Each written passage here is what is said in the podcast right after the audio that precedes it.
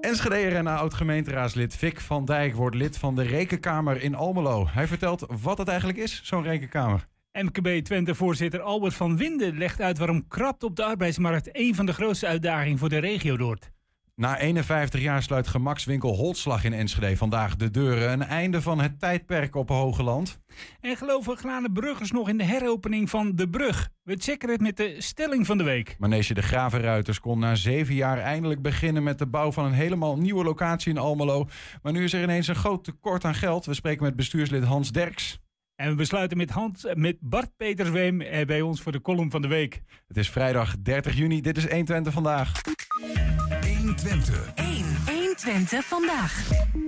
De Rekenkamer. Officieel de Rekenkamercommissie. Elke Nederlandse gemeente heeft er een. Een onafhankelijk orgaan dat begrotingen, statistieken en cijfertjes eh, tegen het licht houdt. Maar wat is en doet zo'n Rekenkamer nou precies? Hoe belangrijk is het eigenlijk? Aangeschoven Vic van Dijk. Hij is oud-raadslid van eh, D66 in Enschede. Nu beleidsmedewerker bij de directie van het ministerie van Economische Zaken en Klimaat. En vers benoemd als lid van de Rekenkamer in Almelo. De Almeloze Rekenkamer. Vic, welkom. Dankjewel. Uh, terug binnen, de, uh, nou ja, binnen deze burelen van onze media. Eerder als gemeenteraadslid in Enschede wel eens. hoe gaat het met je? Het gaat hartstikke goed met mij. Ja. En ik ben blij dat ik deze cluster bij mag doen in de rekenkamer inderdaad van Almelo. Want die rekenkamercommissie is verleden tijd. Er is een nieuwe wet gekomen, namelijk dat het nu een rekenkamer is. Kijk, dan is dat ja. meteen maar rechtgezet. Dankjewel daarvoor. voordat we daarbij komen, je werkt ook in Den Haag. Daar ook alles naar je zin? Ja, nee, super. Hele mooie job uh, met uh, zowel inhoud uh, als een heel stuk algemeen belang. En daar ben ik eigenlijk altijd wel voor te porren voor dat algemene belang. Wat doe je dan precies bij het economische zaken en klimaat? ik werk daar op de, zeg maar de afdeling mijnbouw. dus wanneer een bedrijf gas, olie of zout wil winnen, dan is er een moment dat hij langs mijn bureau zal komen. Aha. Dat van een collega. Nobian ja. en Haaksberg heb je mee te maken gehad. Uh, uh, daar loop ik even omheen en dan kan ik verder ook niks over nee, zeggen, zoals je zult snappen. Ja, nee. nou, hij gaat het ook helemaal niet verder over hebben. Um, uh, waar we het wel over gaan hebben is die rekenkamer. Um, je bent daarvoor benoemd, echt met een soort van aids-ambt. Het is echt wel een officieel ding, toch? Ja, exact. dus de raad die benoemt de drie leden van de rekenkamer. Uh, en ik was dan uh, nieuw afgelopen dinsdag. En dan leg je inderdaad in de gemeenteraad uh, de eet af bij de burgemeester van Almelo. Ja, ja nou, dat houdt in dat er een soort van trouwbelofte is. Dat het wel Precies, nou ja, dat je onafhankelijk je is. werk doet. Ja. Inderdaad. En de feiten voorop. en dat je dat netjes doet. zes jaar lang in principe dan is het goed om te weten wat, wat jullie dan precies doen als, als rekenkamer. Ja. Uh, want elke gemeente heeft er een, ook in Enschede waar we nu zijn. Uh, nou ja, Hengelo, uh, noem maar in, 14 gemeenten in Twente. Um, de, de, het, als je hoort het woord rekenkamer, zou je een soort van kunnen denken aan een bijna een letterlijke kamer, een soort van obscure plek waar mensen met bij elkaar zitten om cijfertjes te bekijken. Maar wat, ja, wat is de rekenkamer? Nee, inderdaad. Je denkt al gauw aan uh, het tellen van allerlei dingen. Nou, dat is het niet direct. Nee, het is um, per jaar worden er ongeveer drie onderzoeken opgeleverd naar beleid. Uh, dus in Almelo staan er de komende tijd bijvoorbeeld onderzoek naar de energietransitie op de agenda en onderzoek naar armoedebeleid. En dan is het zaak dat die rekenkamer terugkijkt van hoe is dat gegaan met de uitvoering van dat beleid. Is, is dat beleid hè, voldoende uitgevoerd? Waar zou het beter kunnen? Uh, kortom, een feitelijke analyse van wat er aan de hand is. Mm -hmm. En dat dus op een onafhankelijke en niet-politieke manier, zodat dat naar de raad kan worden gestuurd. En dan kan de raad vervolgens daar politiek mee bedrijven en zeggen we willen dit of dat anders of niet. Ja, ja gewoon een toetsing eigenlijk van uh, wat er gedaan wordt in de stad. Ja, precies. Ja. ja. En er dan wat dieper induiken. En veelal is het zo dat we niet zelf als drie leden van de Rekenkamer dat onderzoek doen. Uh, maar dat we dat daarvoor weer een onderzoeksbureau vragen. Maar we begeleiden dan wel dat hele onderzoek van uh, A tot Z.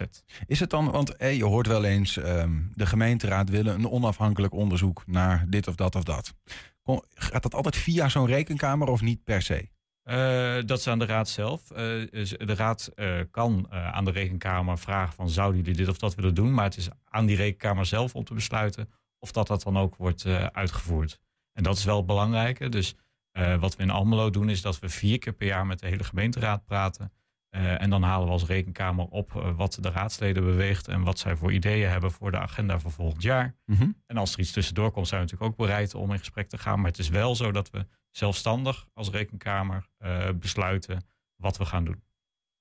Eh, Aan, aan- dus de ideeën krijg je aangereikt. En, en waar, waar baseer je dat dan op? Hoe haalbaar zo'n onderzoek bijvoorbeeld is? Of, Ehm, nou ja, allerlei factoren. Kijk, wat je natuurlijk, en daar gaat natuurlijk ook die ambtseed over. Wat je natuurlijk voorop hebt staan, is het belang van de gemeente Almelo, eh, van de inwoners van Almelo. eh, en de- het belang van de raad dat de gemeenteraad goed zijn werk kan doen. Dus dan kijk je gewoon van eh, waar kan de tijd en de capaciteit van de rekenkamer het beste op worden ingezet. Ja, ja, En dan moet je keuzes maken, want je kunt niet zoveel onderzoeken doen als, als je maar zou willen. Daarom zeg ik ook dat aantal van drie per jaar, dat is het ongeveer.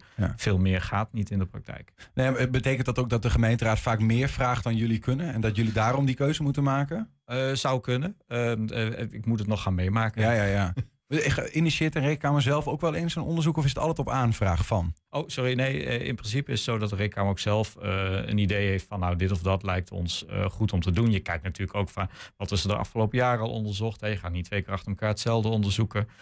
Je wil een beetje het hele gemeentelijk beleid bestrijden. Je kijkt natuurlijk ook, bestrijken bedoel ik. Hmm. Je kijkt natuurlijk ook naar wat speelt er. wat zit er in de actualiteit. Ook meer landelijk. Hè? Je wil ook wat breder kijken dan de gemeente alleen. Eh, en dan maak je een agenda en je gaat in gesprek met die raadsleden. Nou, daar komen suggesties uit. Ja, Ja. en dan is dat gewoon vergaderen en, eh, en goede keuzes maken. En Ja. wat mij betreft er vooral voor zorgen dat je niet eenzijdig bezig bent. Nou ja, want dat is natuurlijk het interessante. Hè? Als je dan zelf een keuze maakt, dan, dan schuurt dat al van... Er zit daar een bepaalde mening in van, eh, van een rekenkamer. Van wat is nou op, op dit moment belangrijk voor een stad. Terwijl een rekenkamer in feite onafhankelijk is. Maar dus niet helemaal apolitiek in dat opzicht. Eh, kijk, iedereen doet zijn best om dat neutraal eh, te doen. Want anders ben je ook weg. Hè? Want je wil gewoon als rekenkamer dat jouw onderzoeken worden gezien. eh, als daar kun je op vertrouwen. Je kunt ervan uitgaan dat dat allemaal klopt. Want je wil geen discussie over het onderzoek zelf. Dat is namelijk zonde. Je wil dat de gemeenteraad gaat discussiëren over hun politieke keuzes. Ja, ja. Ehm, echter, ja, keuzes, iedere keuze kun je natuurlijk politiek uitleggen. Dus dat vergt ook een beetje vertrouwen van de andere kant. ja. Dat Eh, een rekenkamer inderdaad in alle onafhankelijkheid en objectiviteit kiest in de eerste instantie en zijn onderzoek uitvoert. En daarom is het dus ook dat in Almelo is bedacht... laten we vier keer per jaar met die hele raad bij elkaar gaan zitten. Dat contact goed eh, houden. eh, zodat we goed horen wat de raadsleden beweegt. Zodat we dat zo goed mogelijk mee kunnen nemen. Ja. En daarna vergt het inderdaad vertrouwen. En het vergt van ons dat wij eh, goed laten zien... dat die onderzoeken eh, on- al, alles zien, onafhankelijk zijn... dat daar niet in geselecteerd wordt of wat dan ook. Want dat kan natuurlijk niet. Ja. Je moet alle feiten onderzoeken en alle feiten brengen in zo'n rapport. Eh, Toen je in Enschede gemeenteraadslid was, heb je ongetwijfeld ook regelmatig met die rekenkamer te maken gehad. Ja. Ehm, hoe, hoe relevant is het al- als gemeenteraadslid om zo'n ja, instrument, hoe we het noemen, om iets te hebben dat dit kan doen voor je? Ik, ik vond het dus in mijn tijd als raadslid, hè, praat ik even als raadslid toen... Ja, vond ik het heel fijn dat je af en toe een onderzoek krijgt op een thema. ehm, wat gewoon alles op dat thema, of het nou armoede is of afvalinzameling, alles bekijkt. En waarvan je weet, oké, dit komt nu een keer niet van het college vandaan. Dit komt gewoon even van een onafhankelijke organisatie, is de Rekenkamer, uitgevoerd door een ander onderzoeksbureau. Mhm. En dat levert vaak wat nieuwe inzichten op. En dat is waar je zo'n rekenkamer volgens mij heel belangrijk voor is. Ja. Dat je nieuwe dingen in die politieke arena krij- krijgt. En waarvan iedereen dan hopelijk zal zeggen... oh, maar als dat, dat aan de hand is, dan moeten we daar wat aan gaan doen. En dan moeten we even uit de discussies die we altijd hebben in de politiek... maar dan gaan we daar eens naar kijken. Ja, dat vond ik altijd super waardevol. Hoe verhoudt ehm, zo'n onderzoek van een rekenkamer, een meer een wetenschappelijke kijk misschien wel op de, op de zaak, eh, ten opzichte van bijvoorbeeld journalistiek, die, die ook eh, zijn best doet om dingen te onderzoeken en dingen naar boven te halen? Ehm, ja, dat ligt natuurlijk aan, eh, aan over wat voor journalistiek je het hebt. Kijk, grosso modo denk ik dat een rekenkameronderzoek wat dieper kan gaan dan een journalistiek onderzoek. Maar goed, er zullen ook journalistieke onderzoeken zijn die heel diep gaan. Ja, Dus- precies. Maar dan zou je kunnen zeggen dat soms eh, journalistiek iets agendeert wat een gemeenteraad ziet en dan zegt van hé, hey, hoe zit dat eigenlijk? En, en vervolgens een rekenkamer daar net even iets dieper graaft van eh, we willen echt weten hoe het. Uiteraard, en iedereen kan natuurlijk Ja. iets agenderen, of dat nou een journalistiek is of een groep inwoners. Ja. Eh, en dat vind ik wel, hè, rekenkamer moet niet een of ander stoffig in ivoren toren. Nee, je moet wel proberen midden in de samenleving te staan, ogen en oog, oren open te houden. Mhm. Echter, eh, nou, behalve nu dan, zul je mij niet snel of mijn collega's in allerlei media zien verschijnen of meedoen aan discussies. Want dat kan niet. Want we moeten gewoon heel feitelijk als een wetenschapper ons werk doen. Ja, ja. Ja. Wat is de- voor jezelf, even aan- toch aan die andere kant van de lijn, als je dan, eh, of andere kant, je staat in feite denk ik aan dezelfde kant, maar als gemeenteraadslid in Enschede, de, de, nou ja, een van de belangrijkste dingen geweest die je van een rekenkamer hebt gekregen? Oeh, eh, daar had ik me niet op voorbereid. Nee, nee. Nou ja, goed, je hebt net een aantal, je hebt net een aantal dingen genoemd. Hè? Eh, Afvaloverlast bijvoorbeeld. hè. Dat zij daarin indoken. Ik weet niet of je nog een dossier hebt waarvan je zegt... Ja, toen had ik wel echt zoiets van... eh, wat fijn dat, ze, eh, de- dat we dat hebben. Eh, als ik me goed herinner, ik kan me herinneren dat er op het gebied van de inkomensondersteuning, iets met de bevoorschotting, dat was heel technisch, van hoe moet je mensen die een bijstandsuitkering aanvragen een voorschot verlenen. Ik meen dat daar de rekenkamer toen een verhelderende rol in heeft gespeeld. Gewoon gezegd heeft, nou, op basis van die en die documenten, die en die wetsgeschiedenis, dit zijn de feiten. Ja. En gewoon die feiten op tafel gelegd, buiten die politieke discussie gebleven die speelde, en dat is superbelangrijk. Maar wel dat wij dat als raadsleden toen in die politieke discussie konden gebruiken. Mhm. Dus nou, dit zijn de feiten. Eh, Nou, eh, begrijp ik wel eens. Hè, je- bent een, wetenschappelijke man en, en, en bent ook goed met cijfers. En dus anders had je niet in die rekenkamer gegaan.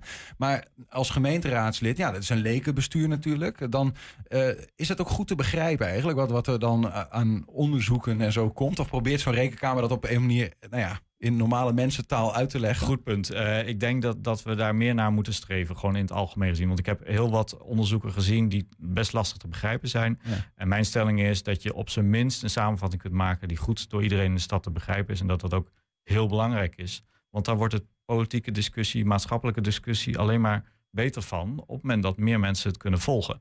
En ik zeg altijd, eh, hè, domme vragen bestaan niet. Want een vraag is gewoon gelegitimeerd. Want als je het niet snapt, Ja. dan moet je dat gewoon kenbaar maken. Kijk, en domme antwoorden bestaan wel. Dat is namelijk een antwoord wat niet duidelijk is. En dat is dus onze missie, vind ik, als rekenkamer... om het begrijpelijk te brengen... zodat iedereen aan het gesprek mee kan doen. Ja, dus eigenlijk niet alleen dat gemeenteraadslid, maar ook ieder ander. Ik weet niet of is dat openbaar altijd dat dat een rekenkamer Op het moment dat het rapport uitkomt, dan is het openbaar. Ja. Ja. En dan hoe dat dan gaat is, eh, eh, na een heel proces wordt dat rapport openbaar. De rekenkamer stuurt een brief aan de gemeenteraad. Dat is dus openbaar met dat rapport. Het college eh, van burgemeester en wethouders gaat er dan op reageren... van wat zij ervan vinden en wat zij... hè, of ze het onderschrijven of niet en dat soort dingen. Mhm. Eh, en dan komt er een openbaar debat. Eh, en volgens mij, tenminste ja, in Enschede was dat zo... en ik neem aan Almelo ook zo... kunnen ook burgers komen inspreken dan... en zeggen wat zij ervan vinden... en of zij nog iets toe te voegen hebben aan dat onderzoek. Ja. Ja. en dat is gewoon echt heel belangrijk dat we dat doen. Nou, de voorbeelden kennen we allemaal van affaires die landelijk hebben gespeeld. Nou, hiermee probeer je het allemaal wat meer in het feitelijke te trekken... en eh, ja, affaires te voorkomen. Ja. Nou ja, waanzinnig belangrijk denk ik toch. Dat je als je een discussie hebt, een debat, dat daar vooral meningen zijn die gebaseerd op feiten die, ehm, nou ja, Die objectief vaststaan, zeg kloppen. maar. Ja. Ja. Ja, precies. Ehm, eh, ben, je al, ben je al echt begonnen in Almelo eh, officieel met je eerste klussen? Kijk, of, officieel kan dat nu pas. eh, maar inofficieel heb ik natuurlijk wel meegelopen en meegekeken met de twee andere leden. zodat ik wel nu meteen van start kan. Dus ik Ja. heb vrijwillig al het een en het ander gezien en gehoord. Zes jaar. ja, zes jaar, inderdaad. Ja. Ja. Succes, Vic. Dankjewel. Dankjewel dat je even wilde uitleggen. Graag gedaan. Zometeen legt MKB Twente-voorzitter Albert van Winden uit waarom de krapte op de arbeidsmarkt een van de grootste uitdagingen van de regio wordt. En wat we eraan zouden kunnen doen. 120. 1.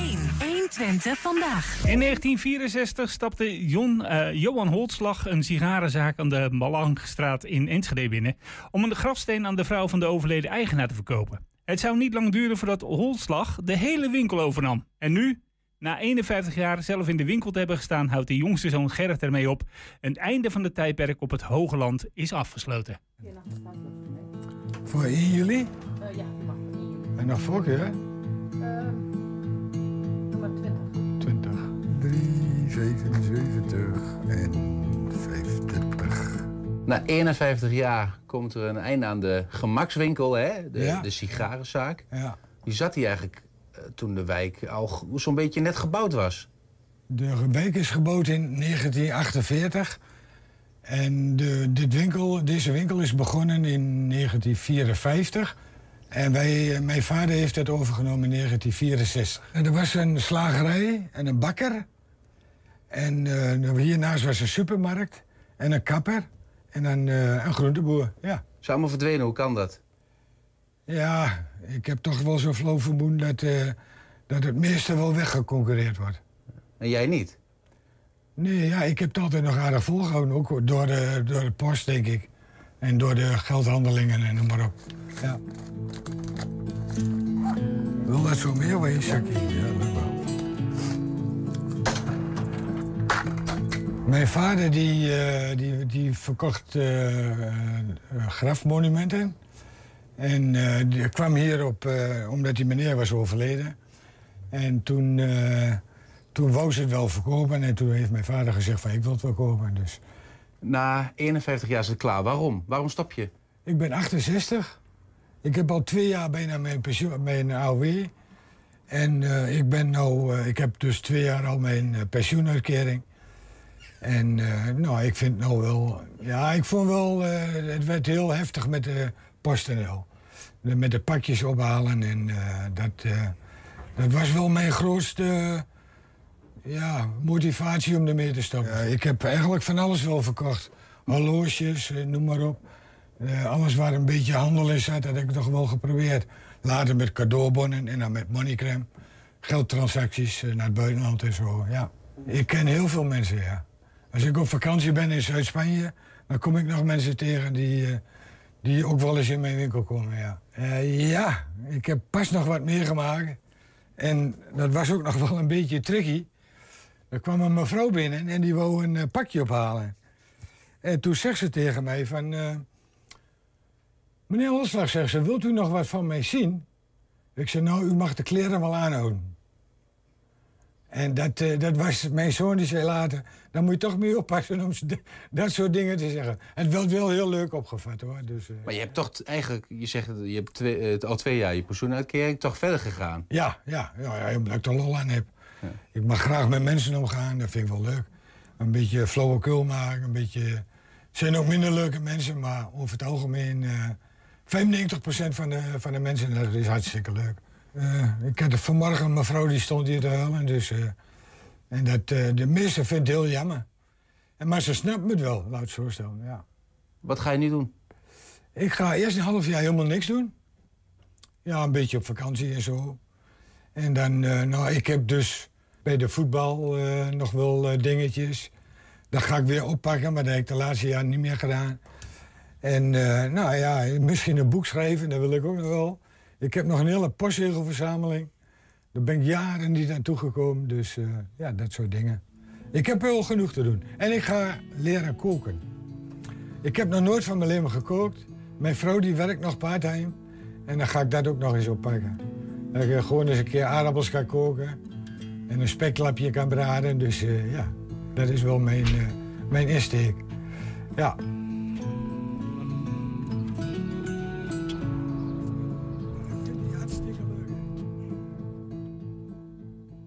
Ben benieuwd of hij eh, inderdaad kan koken. Wie Gerrit eh, Holtslag trouwens nog een hand wil schudden, moet wel heel snel zijn. Straks om 6 uur doet hij net zoals op de video voor het laatst de deuren dicht van zijn winkel. 120. 1. 120 vandaag. Er is in Twente, net als in de rest van Nederland, een personeelstekort. Of zoals de hoofd- hoofdeconoom van ABN AMRO het liever noemt, een banenoverschot. En de komende vijf jaar wordt het alleen maar meer. Eén op de vijf werkzame mensen gaat al met pensioen. Ze laten hun werk liggen en dus komt er meer druk bij collega's. Maar wie of wat vangt dat eigenlijk op? Nou, de krapte op de arbeidsmarkt wordt een van de grootste uitdagingen van eh, de regio, zegt voorzitter van MKB Twente Albert van Winden. En dan is Twente ook nog eens uniek als het gaat om dat midden- en kleinbedrijf. Albert, welkom. Dankjewel. Ehm, personeelstekort of banenoverschot? Ja, dat is het probleem. Eh, ofwel te veel banen of te weinig mensen. Ja. Eh, maar Maar er zit wel een nuanceverschil ja, in. nou ja, kijk, als we naar vijf jaar geleden keken voor corona, ehm, toen was er echt nog wel werkloosheid. Maar nu is de werkloosheid minder dan 3%. Mhm. Eh, en is de economie 10% gegroeid. Dus er lopen veel minder mensen in de uitkering dan voor die tijd. Mhm. Maar zelfs de mensen die nu nog in de uitkering lopen, die zouden we heel graag toch nog willen laten toeleiden tot de arbeidsmarkt. Ja, want je zou zeggen, geen werkloosheid, top. Zo is het. Maar nu is de andere kant Ja. van, van het Ja, spectrum nou ja, een probleem. We maken wel eens een grapje. Vroeger zei de baas altijd of iemand mocht komen of iemand mocht blijven. Mhm. En tegenwoordig bepaalt de medewerker veel vaker of die blijft of dat die gaat. Want eh, het aanbod is zo ruim dat iedereen kan wel kiezen uit twee of drie banen om ergens anders aan de slag te gaan. Mhm. Dus daar zijn wij als MKB ook wel heel erg mee bezig. Van, het is niet alleen belangrijk om eh, talenten binnen te halen, maar ook om ze te houden. Eh, en dan zeggen we wel eens, om mensen te houden moet je van ze houden. Op een goede manier natuurlijk. Maar hoe doe je dat nou? En Ja. wat, wat, wat is dat dan? Is dat alleen salaris of is dat juist die betekenis die eh, mensen kunnen geven in hun werk? En daar willen we eigenlijk heel veel aandacht aan geven. Eh, zorg eh, als eh, MKB'er, als eigenaar van een MKB-bedrijf, Mhm. dat je mensen ook boeit en dat Ja. je ze bindt, maar dat je ze daardoor ook vasthoudt. Je gaat snel, je gaat al naar oplossingen. Oké. Ehm, toch even terug bij de. Ik ben toch wel benieuwd. Als je zou moeten kiezen, is het een personeelstekort of een banenoverschot? Het is een personeelstekort. Ja, er zijn niet te veel banen. Nee, want ik denk dat we het hartstikke mooi eh, doen hier in Twente. Mhm. Eh, de- als je naar alle monitoren kijkt eh, hoe het was en hoe het nu is. Eh, Twente liep toch altijd nog een beetje achter als het eh, ging om het aantal banen. Eh, maar we hebben hier echt een hele mooie economie. Eh, en die economie die wil je graag vasthouden. Ehm, en eh, ja, dan moet je ook een beetje niet Ja. alleen achteruit kijken, maar ook naar voren kijken. Van, hè, je, je gaf het net al aan in de, de intro. Eh, de komende ehm, ja, vijf, zes jaar stromen er nogal wat mensen uit eh, die niet kunnen worden opgevolgd door het aanbod wat er nu wordt. Dus heel veel mensen gaan met pensioen. En dat is best een enorme aderlating. Dus dan moeten we wel goed oppassen van... hey, hoe vangen we dat personeelstekort nou Ja, op? ja, ja. dus de- de- dat zegt iets. Als jij zegt het is een personeelstekort, zegt het wel iets over de oplossingsrichting waarin gedacht wordt. Hè, van de, er moet op een of andere manier moeten er eh, misschien wel mensen bij of eh moet het anders inrichten. Nou, ja, daar gaan we het zo over hebben. Eh, misschien goed om heel even te benoemen. Je bent voorzitter van MKB Twente. MKB staat dan voor midden klein bedrijf. Wat is dat? Nou, dat is meestal ja, het is een beetje zo'n verzamelbegrip. maar tot 250 medewerkers noemen wij MKB, midden- en kleinbedrijf. Ehm, maar er zijn in Twente waanzinnig veel MKB-bedrijven die nog Hoeveel? kleiner zijn. Nou, we hebben zo'n 47.000 MKB-bedrijven in Twente tot 10 medewerkers. Maar die zijn wel goed voor 200.000 arbeidsplekken in heel Twente. Dus het is nogal een banenmotor. Ja. Eh, Ze zeggen wel eens het MKB is de kurk waarop de economie drijft. En dat merk je ook wel in Twente. Twente is wel de enige regio in heel het land... wat zoveel verschillende MKB-bedrijven heeft. Zoveel kleine Dus MKB-bedrijven. heel veel, 200.000 van de 350.000 werkenden in Nederland werken bij een bedrijf Ja, met minder dan 10 mensen. In Twente, 350. In, in Twente, ja. ja, Wat is dan eh, uniek daarin? Want hè, is uniek. Ja, ik denk dat eh, de Twentenaar toch wel echt een ondernemer is. Mhm. eh, en ondernemingsgeest heeft. dat ze graag zelf willen ondernemen. Ja, maar is die dat- hoeveelheid uniek? Zeg maar dat Twente, Ja, dat een regio zoveel van die Ja. eigenlijk relatief hele kleine ondernemingen heeft? Ja, als je naar andere gebieden kijkt, nou, bijvoorbeeld Brainport, vlakbij Eindhoven, dan heb je daar gigantische bedrijven, VDL, Philips, maar ook ASML. En ja, daar werken duizenden mensen. Eh, in Twente heb je niet zoveel bedrijven waar duizenden mensen werken. Ja. Eh, dat zijn er maar een paar. Maar je hebt heel veel toeleveranciers. En dat zijn juist dan die kleine MKB-bedrijven aan die grotere bedrijven. Eh, dus het is veel meer versnipperd. Ja. Maar het is daardoor ook wel dat er heel veel familiebedrijven bijvoorbeeld zijn. En die vallen dan allemaal onder dat MKB, omdat ze niet heel veel medewerkers hebben. Wa- Wat is het gevolg van krapte op de arbeidsmarkt? Laten we hem dan zomaar even noemen. Hè? Dus of een personeelstekort, een banenoverschot, hoe je het maar wil noemen. Eh, voor MKB in het algemeen, maar met name voor die, eh, voor die toch wat nog kleinere, minder dan 10. Daarin is Twente uniek. Ja. Voor dat soort bedrijven. Nou kijk, eh, het grootste probleem is de continuïteit. Als de mensen van die, van die kleine MKB-bedrijven ook nog eens een keer weggaan, ja, hoe hou je dan dat talent binnen? En vaak zijn die kleinere bedrijven gewoon elke dag knetterhard bezig eh, om toch die omzet te halen die ze moeten halen om te kunnen overleven. En als we geen talenten meer kunnen aantrekken, dan wordt het steeds lastiger. Mhm. Dus wij proberen op hele andere manieren, als we te weinig arbeidskracht hebben ehm, en een enorme krapte op, op die arbeidsmarkt, die is er. Hè, de 13.000 vacatures op het ogenblik in Twente. Eh, proberen we eh, de MKB'ers wel te helpen met digitalisering, zodat sommige werkprocessen wat makkelijker kunnen, zodat je daar minder mensen voor nodig hebt. Gewoon het inzetten van ro- robots bijvoorbeeld. Robotisering, dat is ook een heel belangrijk thema op het ogenblik. Van hoe kan je nou eh, routinematige werkzaamheden toch door zo'n robot, bijvoorbeeld dingen laten inpakken. Hoe, hoe, hoe kan je dat toch door hen laten doen? Zodat je minder mensen nodig hebt, maar toch wel dezelfde omzet kan maken die je altijd hebt gehad. Mhm. Maar dan moet er wel een slag gemaakt worden in die digitalisering en ook in die robotisering. En daar zijn we op het ogenblik volop aan het kijken. Wat is er nou mogelijk en wat kan er? Ja. En het mooie is dat wij natuurlijk, we hebben een eh, universiteit hier in Twente, we hebben een hogeschool in Twente, we hebben een ROC.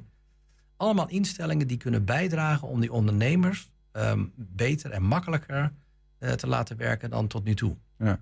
Tegelijkertijd zeg je ergens in het begin van het gesprek... is er nog steeds een groep mensen in Twente die eh, werkloos is. Of Ja. in ieder geval ehm, nou ja, aan de rand van de arbeidsmarkt staat. Ja. Hoe komt dat dan als er gewoon eh, vacatures zijn? Ja, daar, kunnen heel veel oorzaken natuurlijk zijn. Iemand kan ziek zijn of iemand kan een handicap hebben. Eh, maar eh, toch blijkt dat er toch nog wel een aantal mensen eh, niet werken die wel zouden kunnen werken. En daar hebben we nu gesprekken ook mee met het UWV. Van kunnen we niet kijken welke mensen er nu nog in de kaartenbakken zitten. En kijken welke eh, werkzaamheden onze leden bijvoorbeeld hebben. Mhm. En die zouden we eventueel kunnen matchen met die mensen. Ja.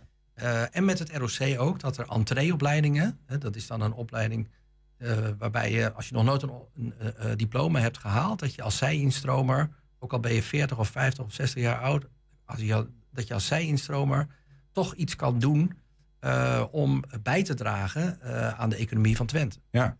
Een voorbeeld daarvan is bijvoorbeeld eh, dat we nu als MKB samen met het ROC bezig zijn eh, om ehm, een opleiding eh, te bedenken voor het verduurzamen van de woningbouw.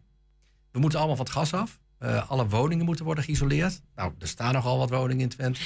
Daar is nogal wat arbeidskracht voor nodig. Er moeten nog Eh, weer, weer meer woningen bij. er moeten nog meer woningen bij. We hebben 40.000 eh, woningen mogen we erbij bouwen tot, tot 2030. Dus dat is toch een prachtige opgave. Ja.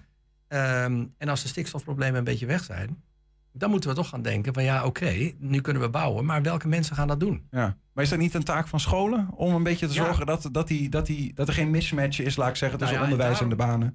Het is fijn dat je dat naar voren brengt, want dat, daar zijn we dus nu volop aan bezig om eh, te kijken van hé, hey, welke MKB-bedrijven zijn er nou in Twente? Ja. Dat goed in beeld te brengen en dat ook met scholen, ROC, universiteit, eh Saxion, eh, te kijken van hé, hey, is er nou een goede afstemming eh, met dat bedrijfsleven en die scholen? Dus ik bedoel, wij zeggen niet van je, je- die opleidingen moet je niet meer doen, want er is geen vraag naar. En je moet die opleidingen doen, want er is heel veel vraag naar.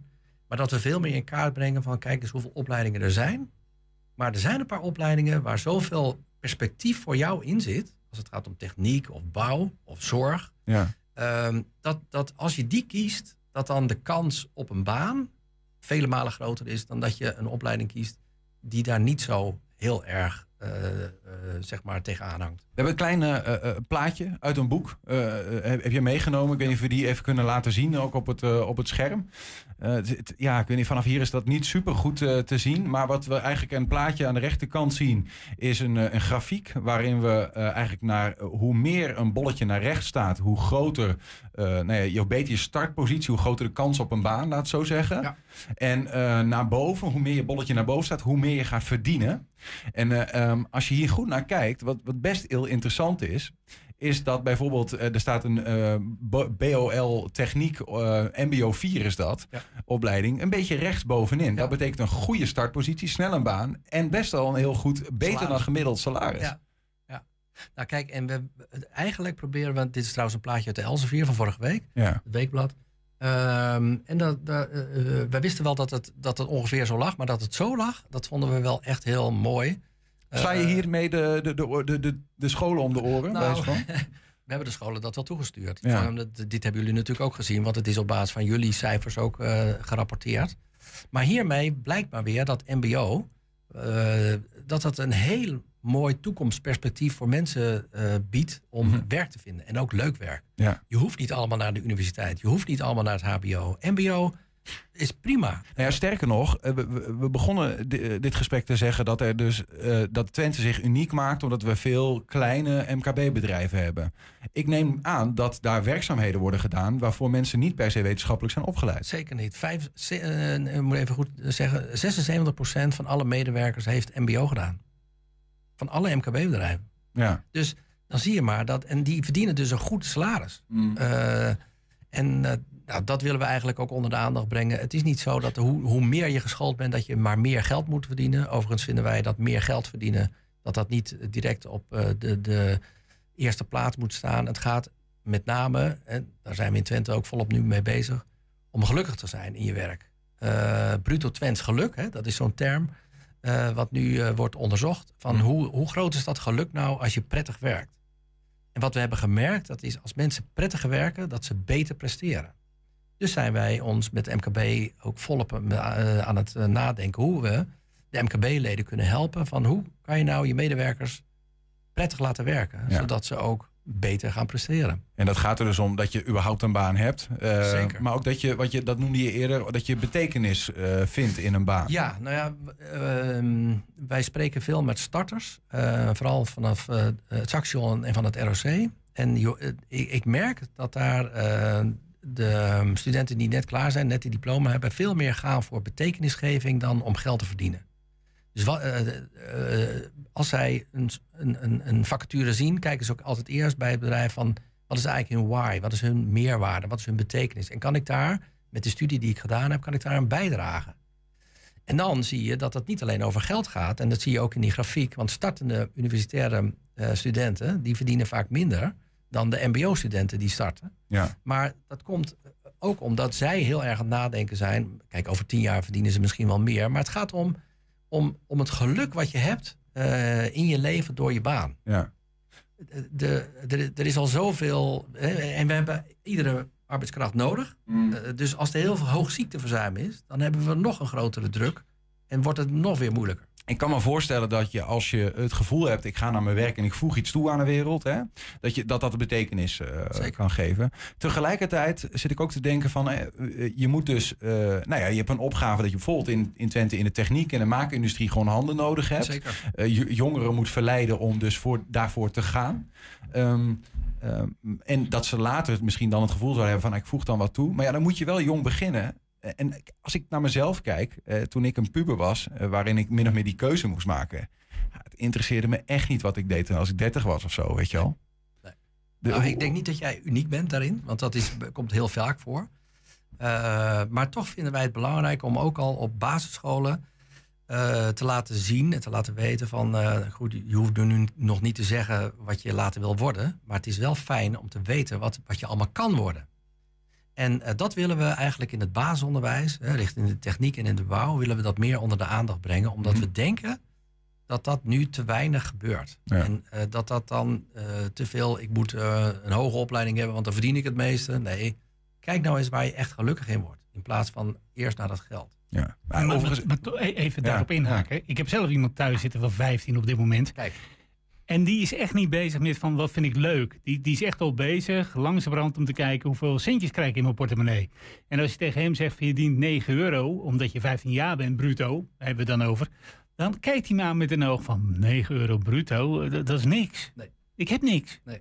En, en tweede waar ik even op wil inhaken, u had het over jongeren, maar eh, ik ben zelf 57. Ik woon nog niet zo lang hier in, eh, in het mooie Twente. Eh, ik ben hier gaan solliciteren naar een baan. dus dat is ongeveer vier jaar geleden, was ik 53. Ik werd constant toch wel afgewezen op mijn leeftijd. En dat gebeurt nog steeds. ook vreemd dan eigenlijk, hè? Als ja, een, want eh, Ja, nou, er ik zijn denk- mensen van mijn leeftijd. Ja, u heeft ongeveer als ik u bekijk dezelfde leeftijd. Eh, dus de, dank de- voor het compliment. ja, hè? Dus de, de, de ik ga even hier zitten. jongen. ja, jongen. Dus er moet een berg mensen zijn die, die gewoon eh, onze Ja. leeftijd hebben, die gewoon wel willen werken. Ja, en ook kunnen werken, maar niet er doorheen komen. Omdat die werkgever toch over het algemeen bang is dat hij een euro meer moet betalen voor die man. Dan voor die 15-jarige die maar 3,5 euro kost. Nou, het zal u verbazen. We hebben nu de gesprekken gehad met bouwondernemers, met installatiebedrijven. Iedereen is op het ogenblik welkom. Of je nou 50 of 60 of zelfs 65 jaar bent. Als je nog twee jaar kan bijdragen aan, bij hen, dan ben je van harte welkom. En dat is vijf jaar echt anders. Ja. We hebben zo'n laag eh, eh, werkloosheidspercentage. Eh, als dat soort bedrijven echt willen groeien en als ze willen blijven voortbestaan, dan is iedereen nodig. En kan dus- het dat dat zo snel veranderd ja, is dan? Ja. nou ja, de, de, ehm, eh, dat wij zeg maar voor corona en nu 10% meer eh, economische bijdrage hebben, dat, dat is nogal wat. Hoe- wat bedoel je daarmee? 10% nou, de- economie? de- dus dat, dat het. eh, Wij als Twente. Ja, ja. Zijn gewoon is- meer banen gekomen. Er is 10% gegroeid. Is de economie gegroeid? Is die echt toegenomen? Als je kijkt in de bouw, was daar in 2015 19.000 banen. Hè, dus 19.000 Twentse mensen die werkten in de bouw. Nu zijn dat er 24.000. En we komen nog mensen tekort. Maar, maar toch is het nog steeds zo dat ondernemers, als ze iemand nodig hebben, toch bij iemand anders even weghalen. Toch met een extra bonus. dus nou, en daar eigenlijk we- verschuift dan Ja. het plekje Nou, dan dat je het echt opvult. Nou, en daar zijn we ook wel een beetje bang voor. Dat, ehm, eh, je kan wel met salaris heel veel gaan schuiven. En dat je steeds meer gaat geven. Maar dat je dan mensen bij de ander wegkoopt. Maar Ja. daarmee los je het eigenlijk niet op. Nee. Dus we proberen echt na te denken van hoe kan je nou als goed werkgever toch je mensen houden. En dat ze toch fijn vinden. En je ook op verjaardagen fijn, willen, fijn vinden om te vertellen dat ze bij dat en dat bedrijf werken. Want er waardering is het meest belangrijk, hè? Als je ergens werkt. Zeker. Een schouderklopje, een, een Ja, kopje nou ja, en koffie, Dat of vinden wij een dat modern werkgeverschap. Wat heel logisch is. Het is echt geen rocket science om te vragen hoe gaat het met je thuis? Eh, hoe gaat het met je kind? Hoe gaat het met dit of hoe gaat het met dat? Maar ook, en dat noemen wij dan vitamine A van aandacht. Dat je aandacht hebt voor de problemen of de mogelijkheden die je als medewerker hebt. Ja. En, en daar bereik je als werkgever veel meer mee dan alleen maar met salaris. Is die groei in aantal banen, economie, is dat in Twente meer dan elders in Nederland? Nou, we liepen achter en we Ja. lopen nu weer gelijk aan Nederland. Oké, dus het gaat op zich goed. Ja. Dat zou je wel kunnen zeggen. Ja, zeker. Ja. Is het de, qua oplossing, want we hebben het gehad over eventueel het inzetten van robots. We hebben het gehad over mensen die nu gewoon een mismatch he- hebben, die, die of aan de kant staan of niet goed zijn opgeleid, opleiden voor daar waar de banen zijn. Is er ook, wordt ook gedacht aan gewoon mensen van buiten halen? Zeker. En dan gaat het van buiten Nederland of van buiten Nou dat- Twente? Dat, dat is dus nu eh, ook een eh, eh, politiek item. Ja. Van, wat gaan we nu doen met zoveel arbeidskrapte? Eh, gaan we echt mensen van buiten halen? Oekraïners bijvoorbeeld die hier naartoe gekomen zijn. Nagenoeg iedereen die hier gekomen is, heeft al werk. Maar moeten we misschien ook nog naar andere bevolkingsgroepen kijken? Dus daar wordt nu echt wel over nagedacht. Dat, daar kunnen we niet van zeggen van we gaan die en die binnenhalen. Maar gewoon echt mensen die we nodig hebben. Eh, ja, daar wordt nu eh, Ja. eh, beleid op gemaakt. Ja, goed, ook waar- zij zullen hier blijven. Zullen ouder worden. En dan krijg je hetzelfde effect Nou ja, natuurlijk. het grootste probleem nu ook, en dat merk je niet alleen ehm, bij mensen die uit Polen of uit Oekraïne komen, maar ook de expats die zeg maar hier studeren ehm, aan de Universiteit Twente. En die dan hier willen blijven. Die willen wel graag blijven, maar die moeten wel kunnen wonen. En ook de krapte op de huizenmarkt is enorm groot. Dus eh, het is heel veel aan elkaar gekoppeld Ja. dat wij zeggen van nou, de enige manier om Twente te laten groeien in die economie, nog verder te laten groeien in de economie. En ook in dat welzijn, dus niet Hm. alleen in de welvaart, maar ook in het welzijn. Is dat we als de donder zoveel mogelijk huizen bouwen. Ja. Want als je geen huizen hebt, behoud je dat talent wat je nodig hebt voor de economie ook niet. Dus bouwen, bouwen, bouwen, dat zijn de eerste drie prioriteiten die we in Twente op het ogenblik hebben. Stikstof, stikstof, stikstof. Ja, dus dat is best een probleem. Ja, ja, ja. Nee, maar kijk, eh, we hebben wel eens gezegd van, eh, goh, als er echt talenten zijn die echt Twente verder helpen, die moet je eigenlijk naast dat ze een baan krijgen ook een huis geven. Eh, want dan word je als gemeente of heel- als regio heel aantrekkelijk. Juist, ja. Alleen dat is wel een probleem, want ja, elke Ja. gemeente kampt met een huizenprobleem. Eh, volgens mij kunnen we er heel lang over doorpraten, Albert. Want volgens mij na- naast bouw en techniek is ook de zorg is Zeker. een ding dat eh, nou ja, ook Ja. groeiend een tekort aan medewerkers krijgt. Nou, dat de heeft- zorg is denk ik nog wel. ehm, we- eh, er zijn nu zo'n 130.000 eh 65-plussers in Twente. Dat gaat naar 150.000 eh, tot 2030. Dus er komen er 25.000 mensen met dezelfde kleur haar als ik bij. Nou, dat, dan, eh, daar, hebben, daar heeft de zorg zo meteen de handen aan vol. En hebben we die mensen wel? Ja. En leiden we die ook op? En maken we de zorg ook aantrekkelijk voor die mensen? Ja, en dat is niet leuk voor als het niet gebeurt. Hè. Voor de mensen die werken in de zorg. Dat hebben we gezien tijdens corona. Ja. Maar ook niet voor de mensen die verzorgd zouden moeten worden. Voor de Albert van Winders van de toekomst. Nou ja, precies, ja. Ja. Ehm, eh, tot slot dan, eh, een beetje zo'n afsluitende vraag waar je misschien ook helemaal niks mee kan. Ofwel, heb je er vertrouwen in dat dat goed gaat komen? Ehm, ik heb er alleen vertrouwen in als we er met elkaar het probleem helder hebben. Dus eh, onderwijs, eh, de overheid, maar ook de ondernemers. Dat, dat we snappen waar het over gaat. Ehm, en dat we daarop gaan acteren. En dat de beleidsplannen naar de toekomst daar ook op gericht zijn.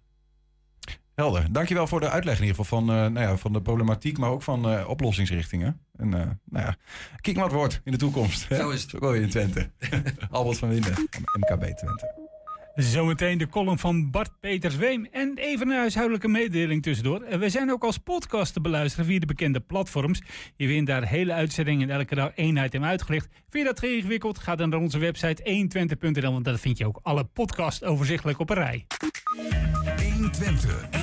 120 vandaag. En eh, voor de stelling van de week gingen we deze keer naar Gladenbrug. En dan kan het op dit moment bijna nergens anders over gaan dan het lokale zwembad.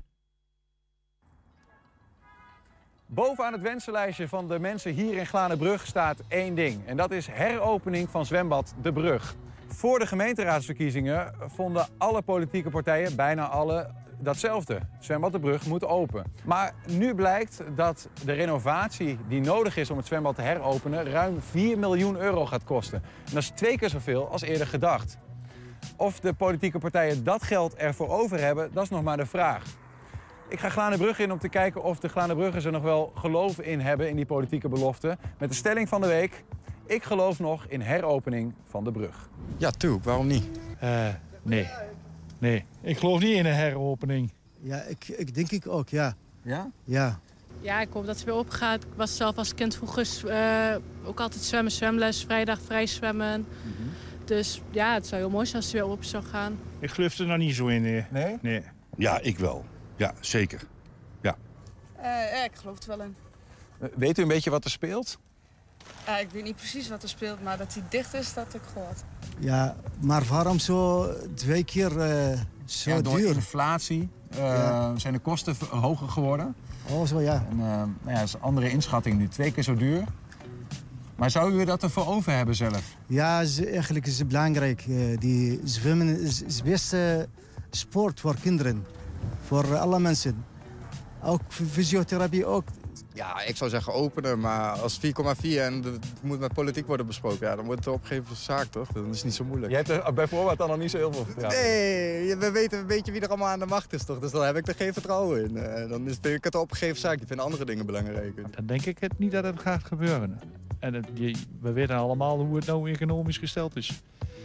De pot is leeg in de maatschappij. Hmm. Dat zeggen ze niet.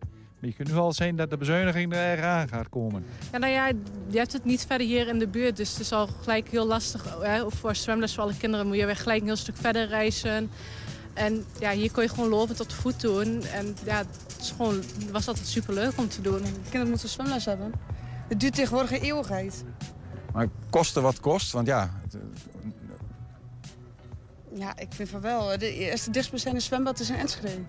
Kosten wat kost, moet het weer open? Of Ja, tuurlijk. Dat kan rustig. Ja? Ja. Waar, waar moet geld vandaan komen dan? Ja, zoals zien. Kan van eh, rijke mensen. Wat belastingen? Ja, belasting ook. Ja. ja. Ik denk dat je op een gegeven moment je prioriteiten moet eh, stellen. En eh, weet je, zoiets als dit is, is best belangrijk, en vind ik althans. En je- ja, je moet keuzes maken. En eh, ik, ik vind dat het zou moeten kunnen. Ja, op een gegeven moment lijkt het me ook wel dat er een, eh, een grens aan zit. Maar als het haalbaar is, dan moeten ze het zeker doen. Jammer? Ja, tuurlijk. tuurlijk. Alles verdwijnt hier, hè? Wat wil je doen dan? Een demonstratie doen? Heeft dat nog nut? Dat zien we toch ook tegenwoordig. Heeft geen nut. Niks heeft nut. Maar wat is een, ja, eh, een dorp zonder een zwembad of, of, een, of een bepaalde stad zonder een zwembad? Dan is het niks. Tja. Ja, is afwachten wat er gaat gebeuren daar in, eh in Glanenbrugge. Binnenkort meer vanuit de Enschedeze gemeenteraad. 120. 1. 120 vandaag. Na zeven jaar kon Manege de Gravenruiters eindelijk beginnen met de bouw van een helemaal nieuwe locatie in Almelo. Maar dat staat nu erg op eh, losse schroeven, omdat er ineens een groot tekort is aan geld. De bouw is uitgesteld, of erger, het gaat misschien nooit gebeuren. Dat is slecht nieuws, want de huidige locatie is onbruikbaar. Bij ons aangeschoven is bestuurslid Hans Derks. Hans, goedemiddag. Goedemiddag. Het is niet zomaar een manege, toch, de Gravenruiters? Nee, nee, het is eh, niet zomaar een manege. Het is een manege speciaal voor mensen met allerlei soorten van beperkingen. Dus het kunnen eh, verstandelijke beperkingen zijn, lichamelijke beperkingen of een combinatie daarvan. Wat doen zij daar? Eh, paardenbeleving, zoals wij het noemen. En het kan heel verschillend. Er komen eh, mensen met lichte beperkingen die paardrijles krijgen. Eigenlijk ook mensen met zwaardere beperkingen die op een paard nog les kunnen krijgen of daar recreëren op een paard. Dat is trouwens heel apart om dat mee te maken. En mensen die helemaal nooit meer uit hun bed komen of uit hun eh, rolstoel komen, die worden dan neergelegd in een huifbedkoets. Een huifbedkoets. Volgens mij hebben we daar zelfs een beeld van, van hoe dat, hoe dat zoiets eruit ziet. Ja. Dit is het. Je ziet het daar eh, op de schermen. Ja, daar zie je hem, ja. Eh, dit is ook wel bijzonder, hè? En die, en die trekt dan eh, over de straat. Ja, het meest bijzondere is eigenlijk, eh, die mensen liggen op een- zo'n deken, of een deken en ook toegedekt met dekens, boven de paardenruggen. En die paardenruggen die gaan bewegen. er zit een paard onder. Er zitten twee paarden er, onder. er zit een paard onder het bed. Ja, die ja, ja. paardenruggen die gaan bewegen. En doordat ze gaan bewegen, komt het lichaam van degene die ligt ook in beweging. A, genieten ze er heel erg van. Een soort massage is dat. Het is een soort massage. Mensen hebben vaak eh, middelen nodig voor obstipatie, want ze bewegen nauwelijks. Ja. En hierdoor een stuk minder. Dat is zelfs een keer onderzocht. Ja, ja.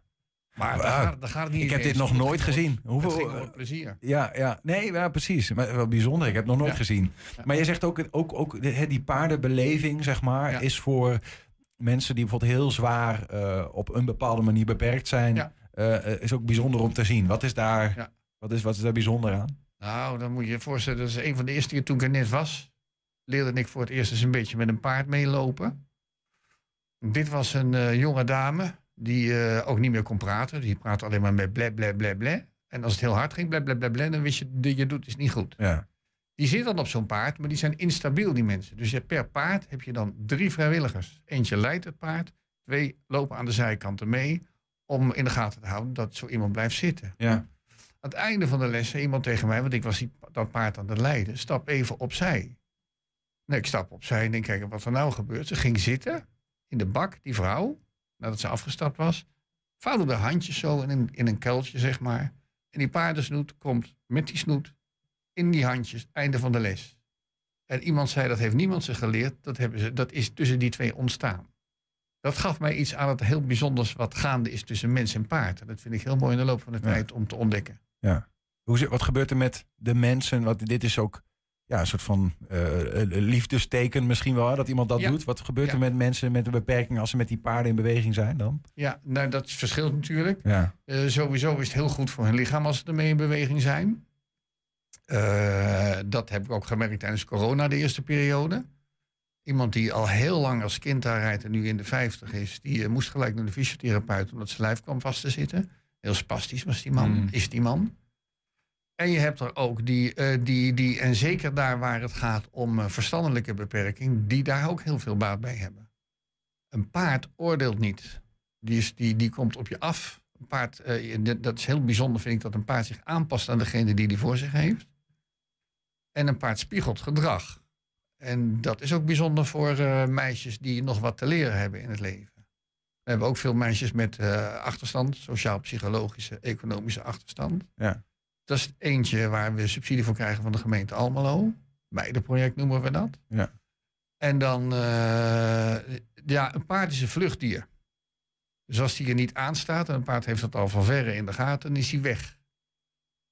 Het mooiste voorbeeld wat ik ooit gelezen heb, maar ik zie het ook gebeuren, van een jongetje met een zware autistische stoornis. En die krijgt in de bak de opdracht van de instructeur, waar eens even heel boos. Het jongetje wordt heel boos, woem, weg is dat paard. Dat heeft er niet veel voor nodig. Ga nou eens even heel rustig ademhalen. En dan komt zo'n paard weer langzaam terug. Die ze tien keer herhalen. Dus wat heb je nou geleerd? Nou ja, als ik boos ben, dan rent hij weg. En als ik daar... Een maand later komt hij terug. Juf, ik doe het nu thuis ook. En mijn vader is heel blij. Ik dat kan me voorstellen, want eh, je zal een kind hebben met eh, zo'n zware autistische stoornis. Daar heb je handen vol aan. Dat is ook een heel duidelijk dier dus. Wat dat is dus gedragsverandering. Ja, door het ja. spiegelen van het paard. Ja. En overigens ook een instructeur die duidt. Hè. Wat gebeurt er nou tussen jou en het paard? Ja, ja.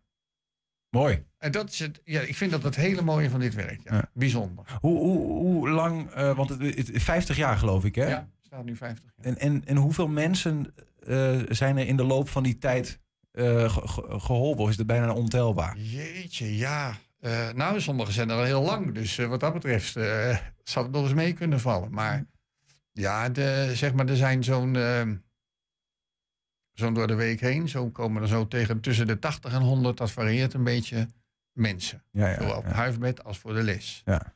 De helft daarvan ongeveer iets minder. Dat zijn mensen met beperkingen.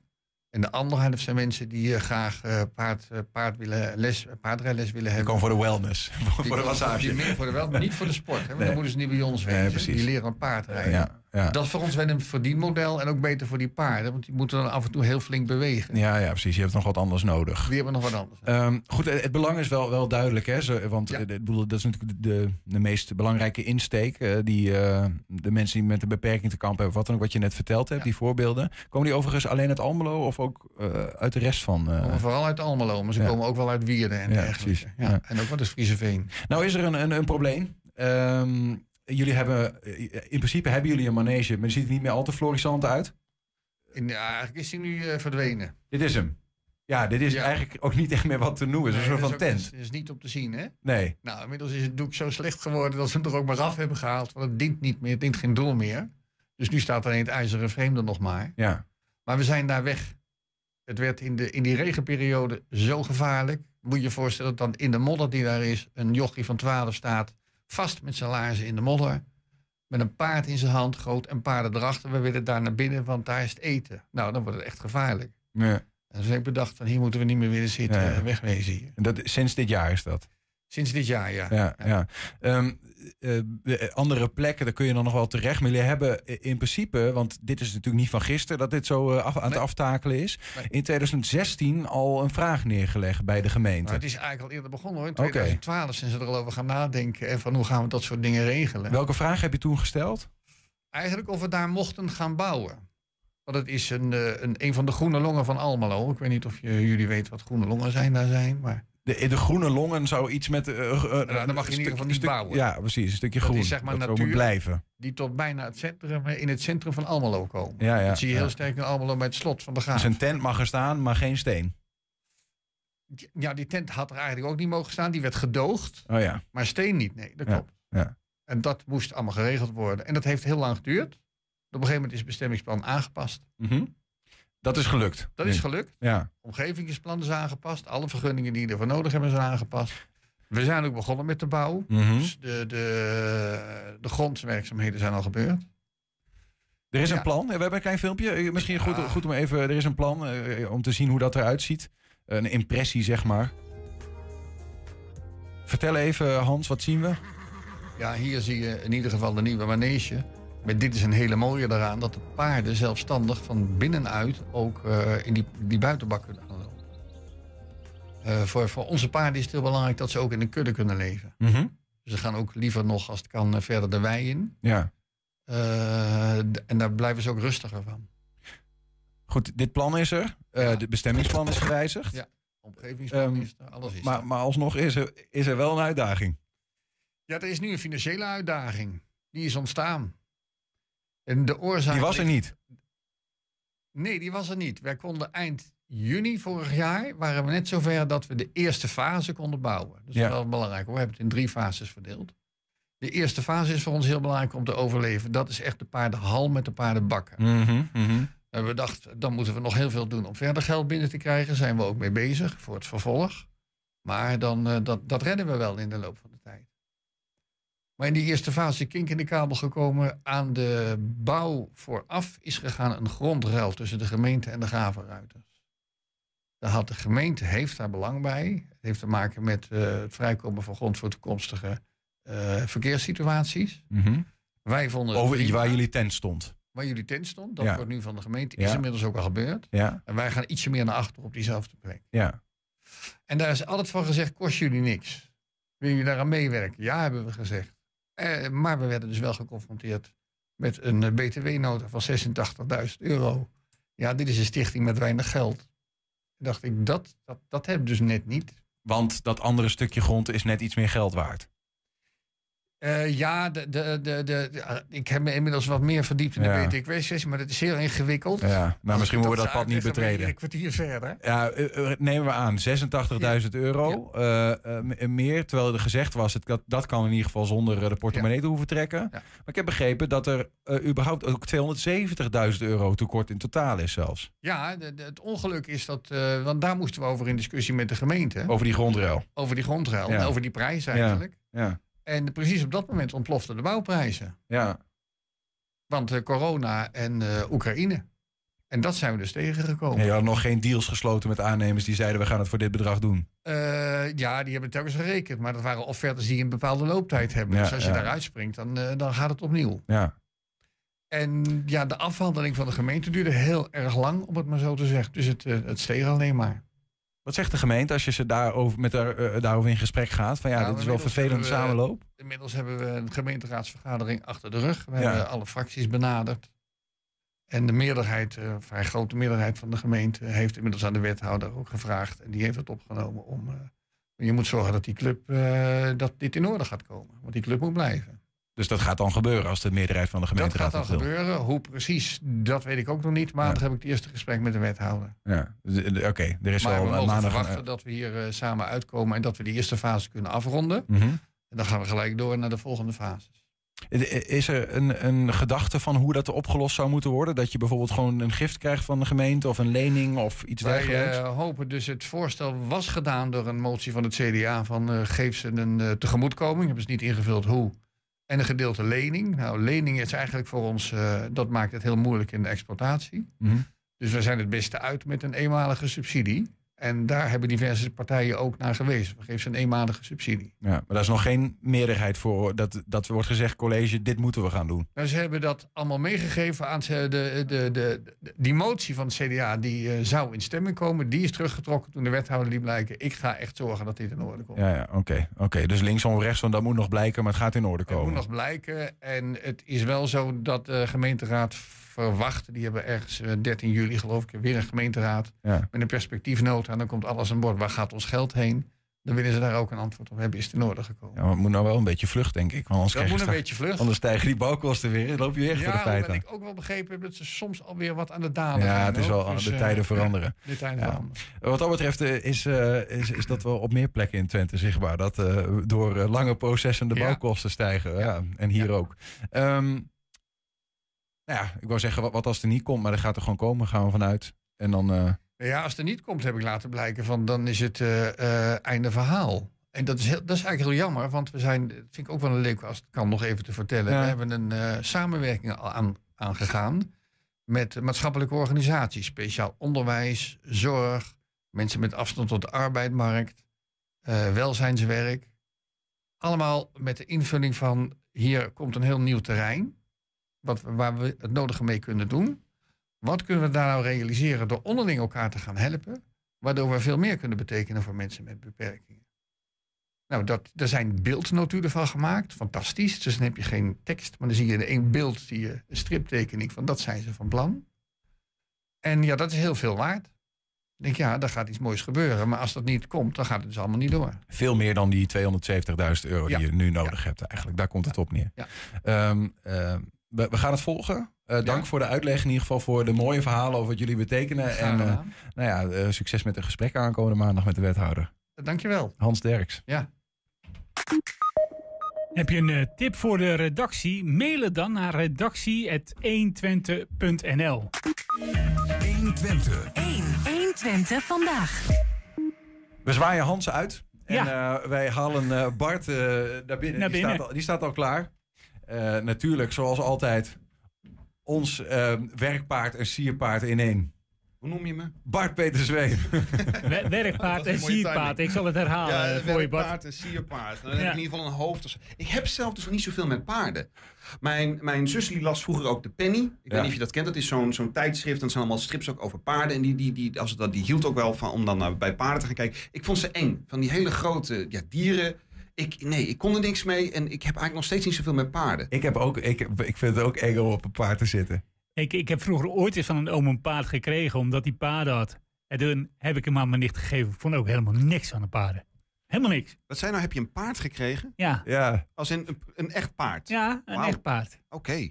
Maar Dus ik- dat is ik- dat het krijgen inderdaad. Ik heb Ja. wel eens een keer... Een hobbelpaard. Een, een cavia. Een Ik cavia, die kunnen nog een keer een Ik, koortje, ik, maar heb een vroeger, paard... ik heb vroeger ook een driewieler gekregen. Oh, nou, dat... dat maakt, maakt alles goed, ja. Als je maar wel... Ja. Nee, goed, als- je maar niet de- driewielen voor een paard aanziet en zo. Ik weet niet precies wat je dan... Is dat een probleem? Nou, dat is niet echt een probleem trouwens. Nee, nee, dat kan. Ja. Je kan ook, je, kan ook hinniken op je driewieler, dus ik bedoel... Je driewielen de sporen geven. Hupsakee, had ze vlassen tegenaan. Ehm, Bart, je bent bij ons voor de column van de week. Wij geven eh, het podium aan jou bij deze. Dank u wel.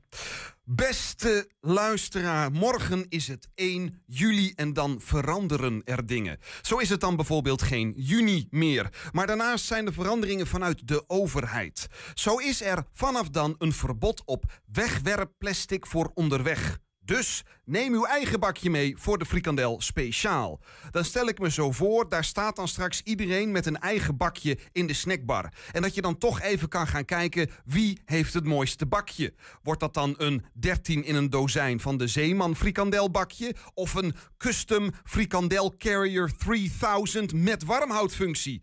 En dan denk ik wel, als ik dan zo'n duur frikandelbakje heb wat dan vies wordt met saus en uitjes, dan is dat oorlog.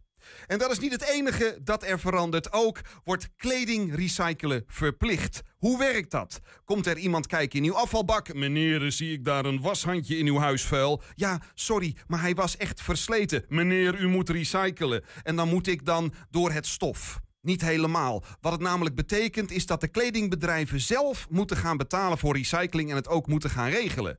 En zo verandert er nog meer. Zo komt ook er een verbod op ongerichte reclame voor online gokken.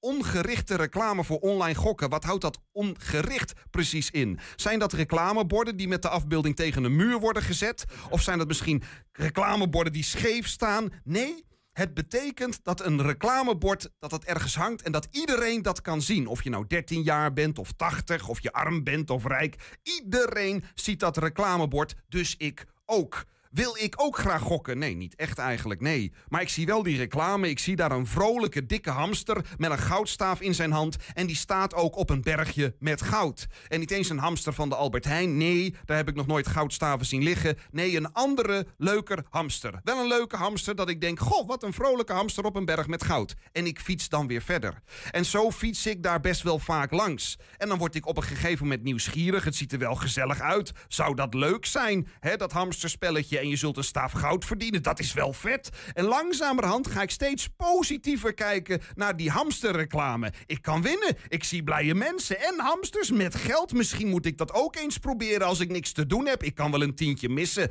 Of nou ja, 100 eigenlijk ook wel. Oké, 200 dan. En oh, kijk nou, ik heb ineens een extra hypotheek. Waarom staat mijn stad helemaal vol met hamsters die staan op een berg met goud? Wie heeft bedacht dat dit een goed idee was? Maar gelukkig worden dit soort reclames verboden. nu al, na één jaar al. Maar die zielige gokbedrijven hebben nog maar ruim 1 miljard hieraan verdiend. Is dat wel genoeg? Sterf jij blije goudhamster.